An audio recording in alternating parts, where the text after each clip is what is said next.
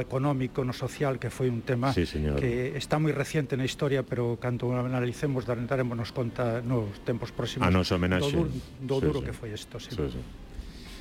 Lembrar que a vacinación segue, porque agora mesmo estamos no Chu onde estades vacinando, eh, seguiredes a terceiras doses, a a aqueles despistados, etc. ¿no? Sí, ahora mismo eh, eh, o punto de vacinación se trasladou aquí ao complexo hospitalario e seguirá eh, no Hospital de Barco e no Hospital de Berín para eh, administrar esas terceiras dosis a eses pacientes de alto risco que xa están sendo chamados e que, bueno, que xa levamos pues, desde a semana pasada eh, vacunando e nos quedan xa mm, pois moi pouquiños, non? E, e ademais, pois temos que vacunar pois esas segundas dosis que aínda nos nos quedan por rematar, que se administraron no mes de setembro.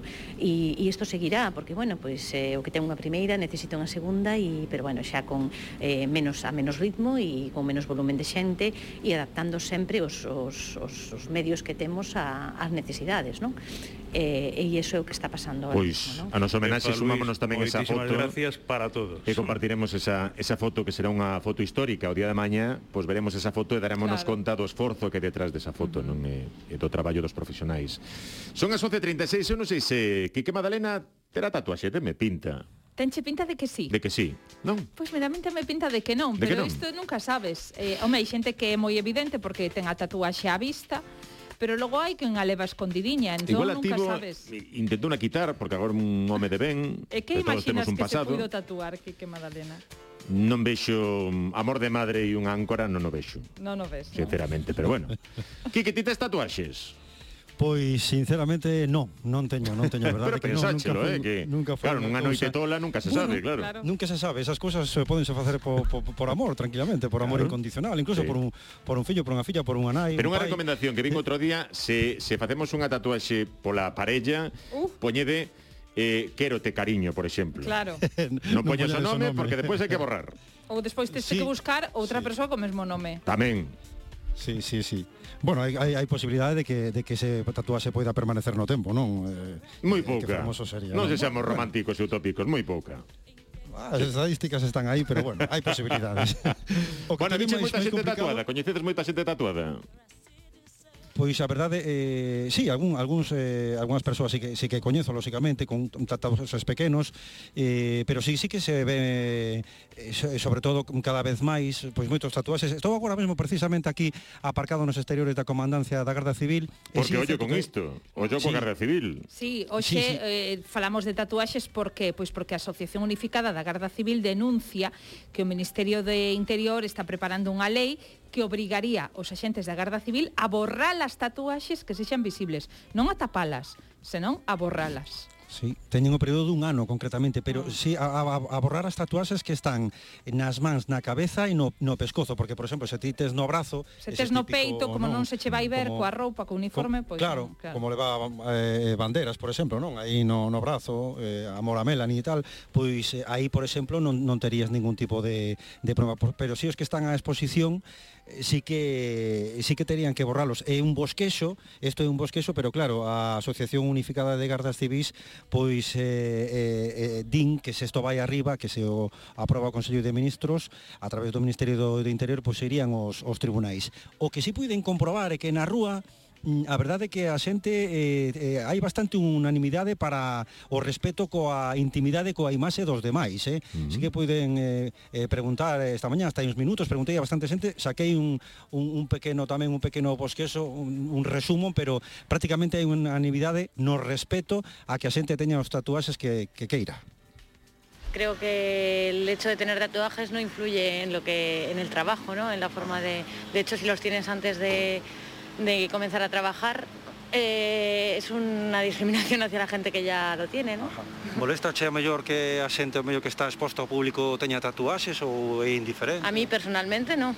No tiene nada que ver una persona que tenga un tatuaje o no para realizar su trabajo. Ajá. No tiene nada que ver unha cousa coa outra.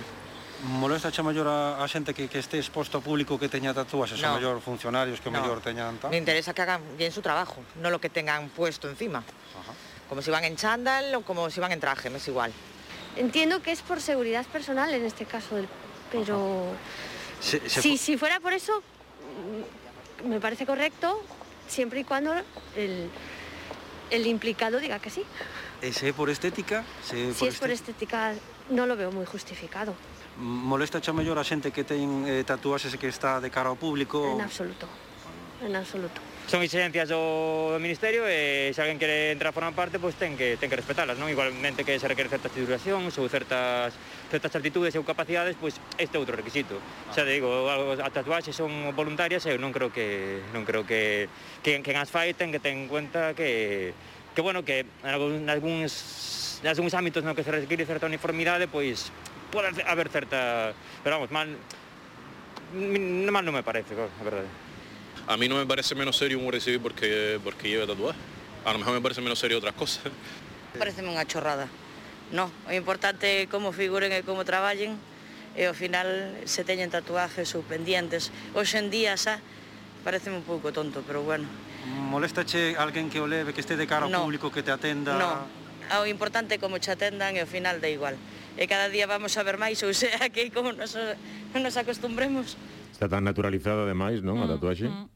Sí, eh, había moita xente que decía mm, parecía extraño mesmo a pregunta, eh, mirábame con cara de sorpresa sí. como dicindo se estaba facendo unha Era máis perigoso co micrófono que cunha sí, tatuaxe. Sí, a ver se tiña trampa. O que pasa que claro, eh, pouco, sí. igual co tema dos gardas civis chama máis atención, pero sí é certo, creo que disto debemos ser todos conscientes que hai empresas que penal eh, ou non contratan directamente a xente con tatuaxes visibles ou lles piden que as tapen mm. mm. eh, cando atenden ao público e isto vémolo día a día, non? E supoño que cando hai empresas empresas que actúan así será porque hai xente a que non lle gusta que o atendan. Se a todo mundo lle dese igual, eh, lle pasasen inadvertidas as tatuaxes, non creo que as empresas perseguisen sí. tanto. Ou son tan fondos os prexuízos que son incapaces de quitaros de enriba. Bueno, bueno, pues nada. Tamén no, nunca pensaches, concerto... non? Sí, que quedei. O, o, da tatuaxe, sí, decía que no vos que eso tamén hai a, a certas alusións ao mellor o, o tema do pelo longo, por exemplo, sí. o tema de, de vale, barba, na, regardiña a barba, eh, pois eh, tamén, bueno, pero tamén hai certas alusións a eso, eh, sí, sí, sí.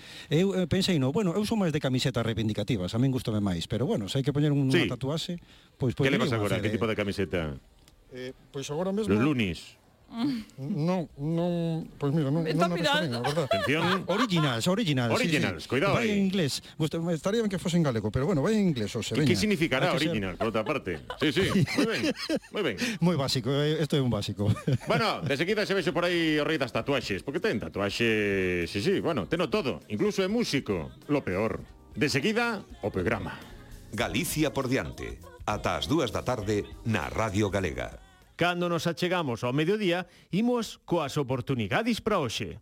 Venga, Gadis, o prazo non é un problema. Nas nosas oportunidades de hoxe temos Galletas recheas de chocolate Príncipe Lu. Pack 3 por 300 gramos. 2 euros con 99 céntimos. En a peixería, sardiña pequena ou parrocha kilo. 2 euros con 99 céntimos.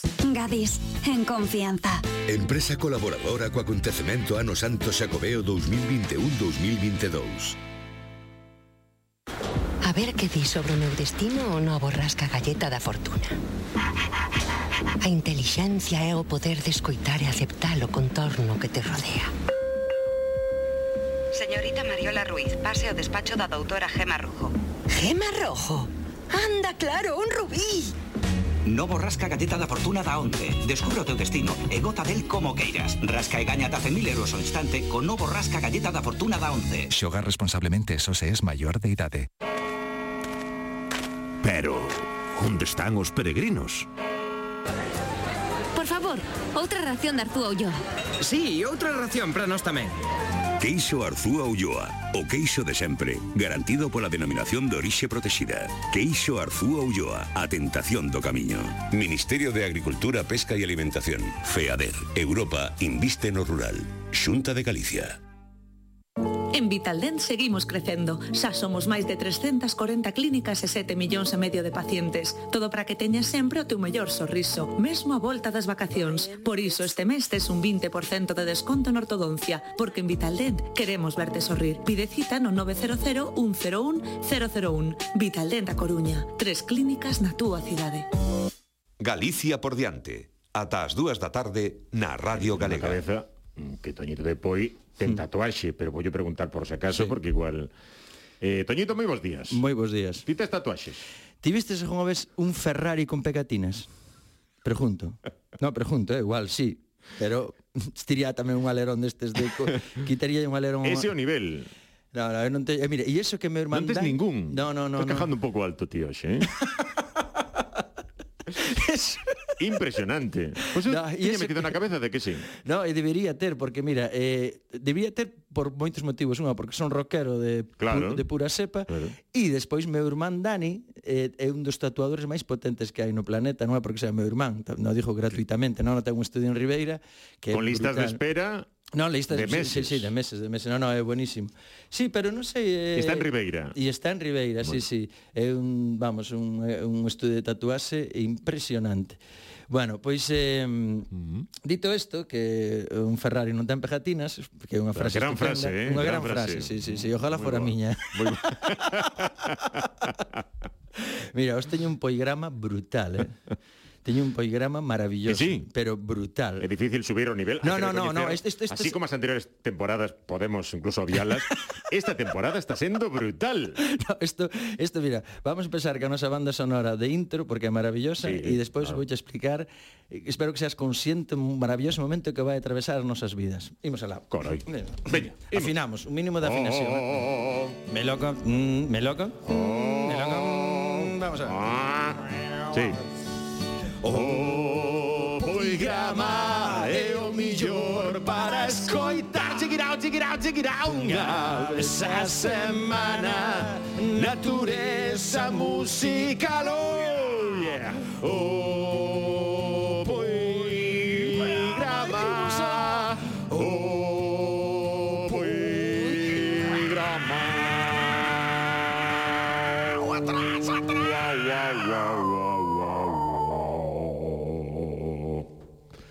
poigrama, con Toñito de Poi. Qué bonito. Sí. Ah, bien. Imos a eh, imos a coñecer sí. o doutor Montiel. E dirás, ti un científico. Sí. Porque estou cansado de tanta tanta tontería. Hai moito iluminado aquí no poigrama sale con sí, sí, sí. sí, solo un pequeñito detalle el Dr. Montiel é máis conocido como El Niño del Bisturí, que eso tamén, claro. Ui, xa... Era cirusian. El Niño del Bisturí, que fixo, protagonizou grandes corridas, en, sobre todo en quirófanos.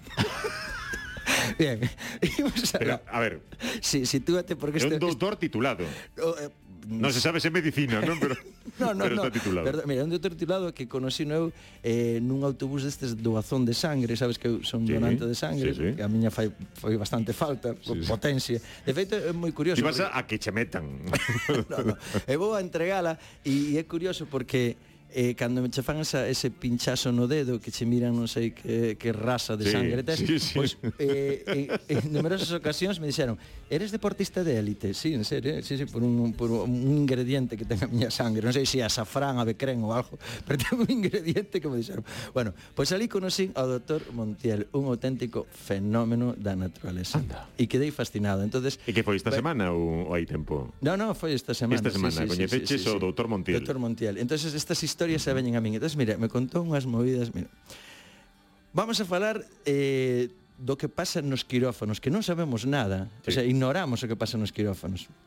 Entonces, vamos a desglosar en tres partes, eh, intro, punto de inflexión e resolución, e isto, por favor, que ninguén perda detalle.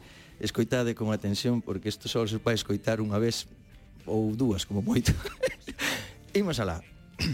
As veces que, que fun a quirófano cando aínda era estudiante pois eh, tiven o, a sorte de atender unha, unha operación un señor maior, tería 80 e pico de anos. 80 e pico anos. Entón claro. estamos no, no quirófano e tal, e estaba anestesista e, e ponlle, ponlle anestésico para dormir.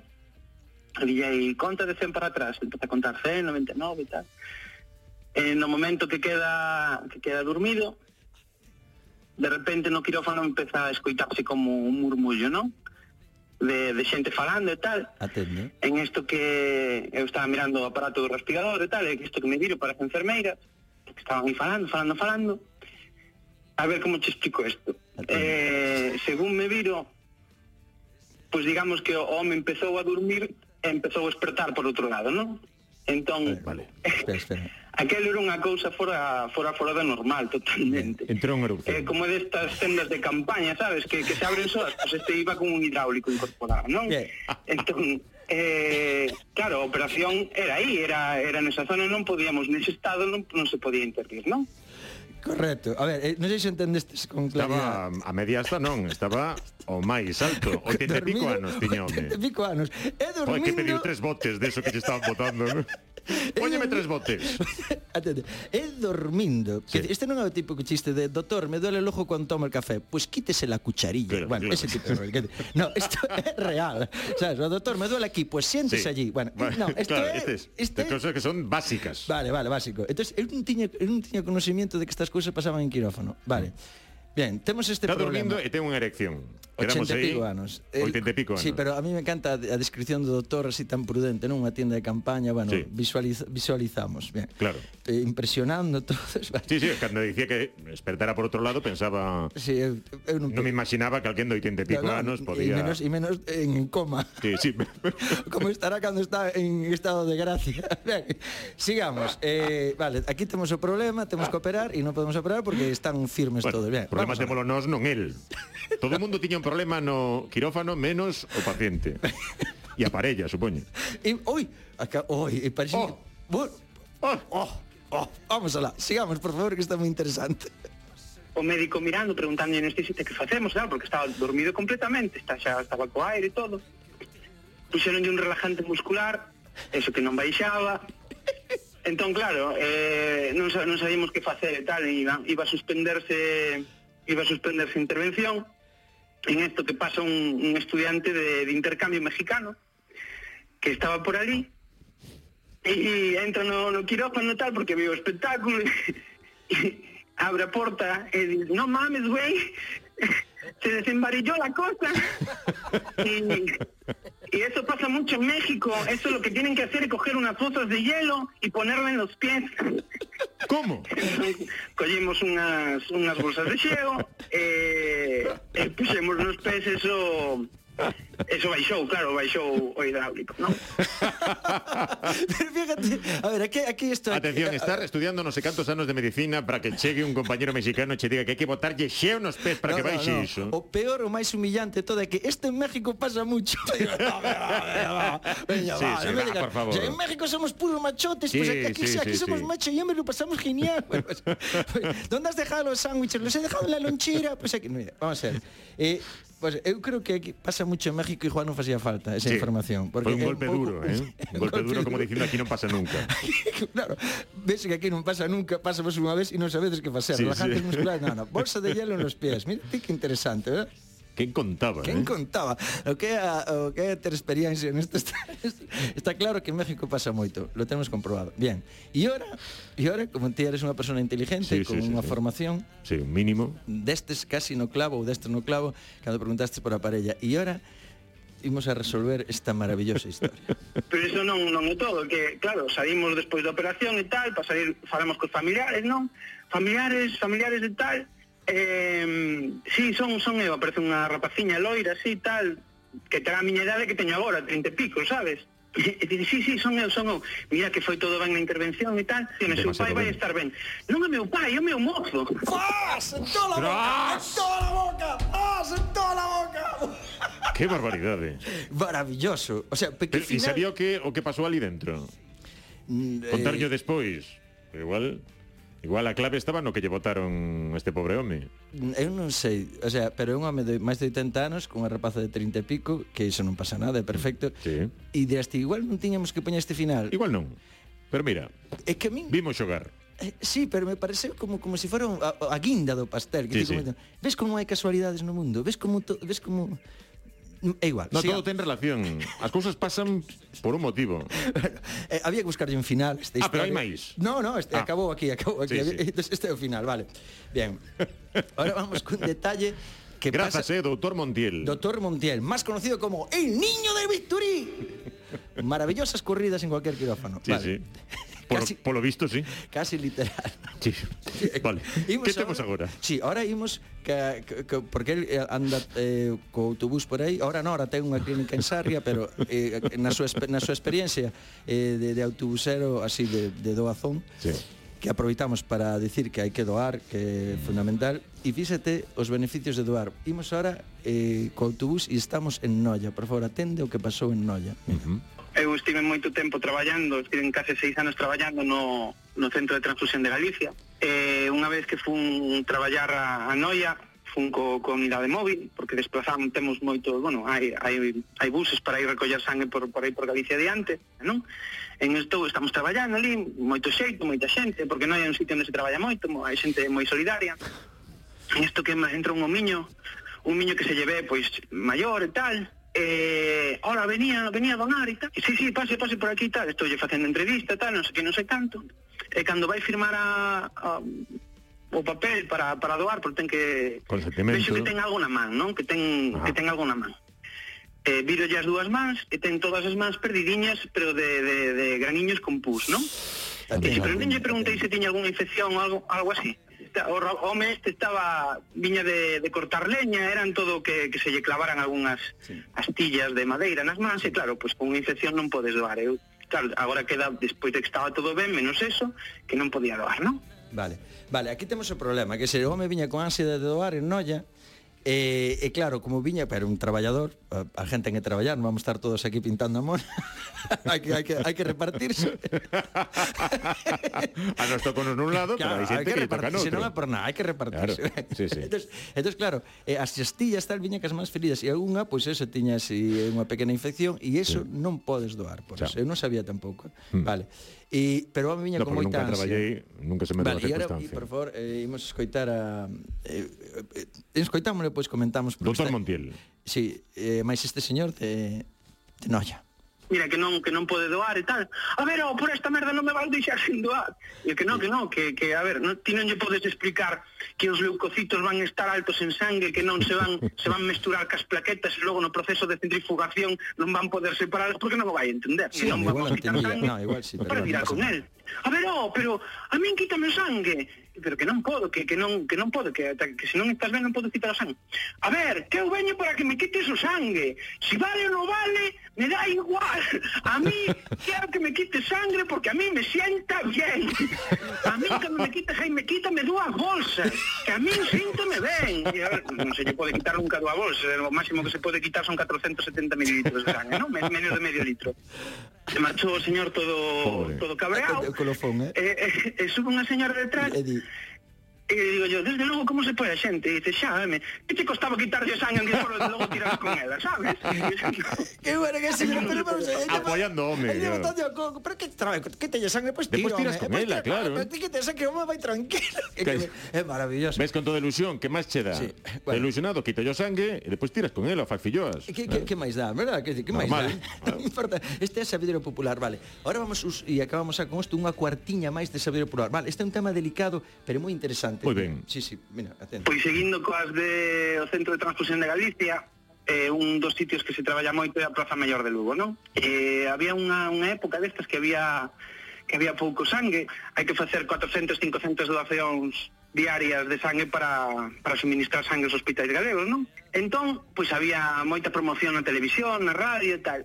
Entón, pois eses días, pois estaba, estaba baixo o grupo do, do cero positivo que un grupo pois que, que cubres pois, o A positivo, B positivo e o cero positivo. Todos os positivos cubrense con cero, con, é un grupo moi necesario porque vale para moitos, non? Vale, vale, e acabamos xa, vale, este tema, pero atende, es, es, sobre todo é por a sabeduría, bueno, escoita isto e se dá tempo a comentarlo, comentamos. Entón estaba toda a publicidade por aí de se tens o grupo cero positivo, se é cero positivo, tens que vir doar sangue porque fai falta, necesitamos eh, bolsas doantes con cero positivo. E ali, pois, pues, nun banco, había un grupiño de xente pois un, un aspecto destos con que, que usan certas sustancias para divertirse, non? Sí. No. Eh, en isto que vexo, vexo que, que se chega ao bus, non? Eh, que empeza a subir as escaleiras, a, a ver se me sai a voz, porque é unha voz moi característica, non? Mira que maravilla. E, e sube Hola, buenas. Mira, venía a donar sangre. Eu creo que quedou así un pouco pampo pois e dice, pero vostede non, non pode non pode doar sangue. Yo en la radio que hacía falta gente. Cero positivo, yo soy cero positivo y vengo de donar sangue. claro, eu- A ver, entón non podo doar sangue. Dice, non, non podo doar sangue porque vostede ten anticuerpos e tal. Atende. E non, non podemos usar esa sangue.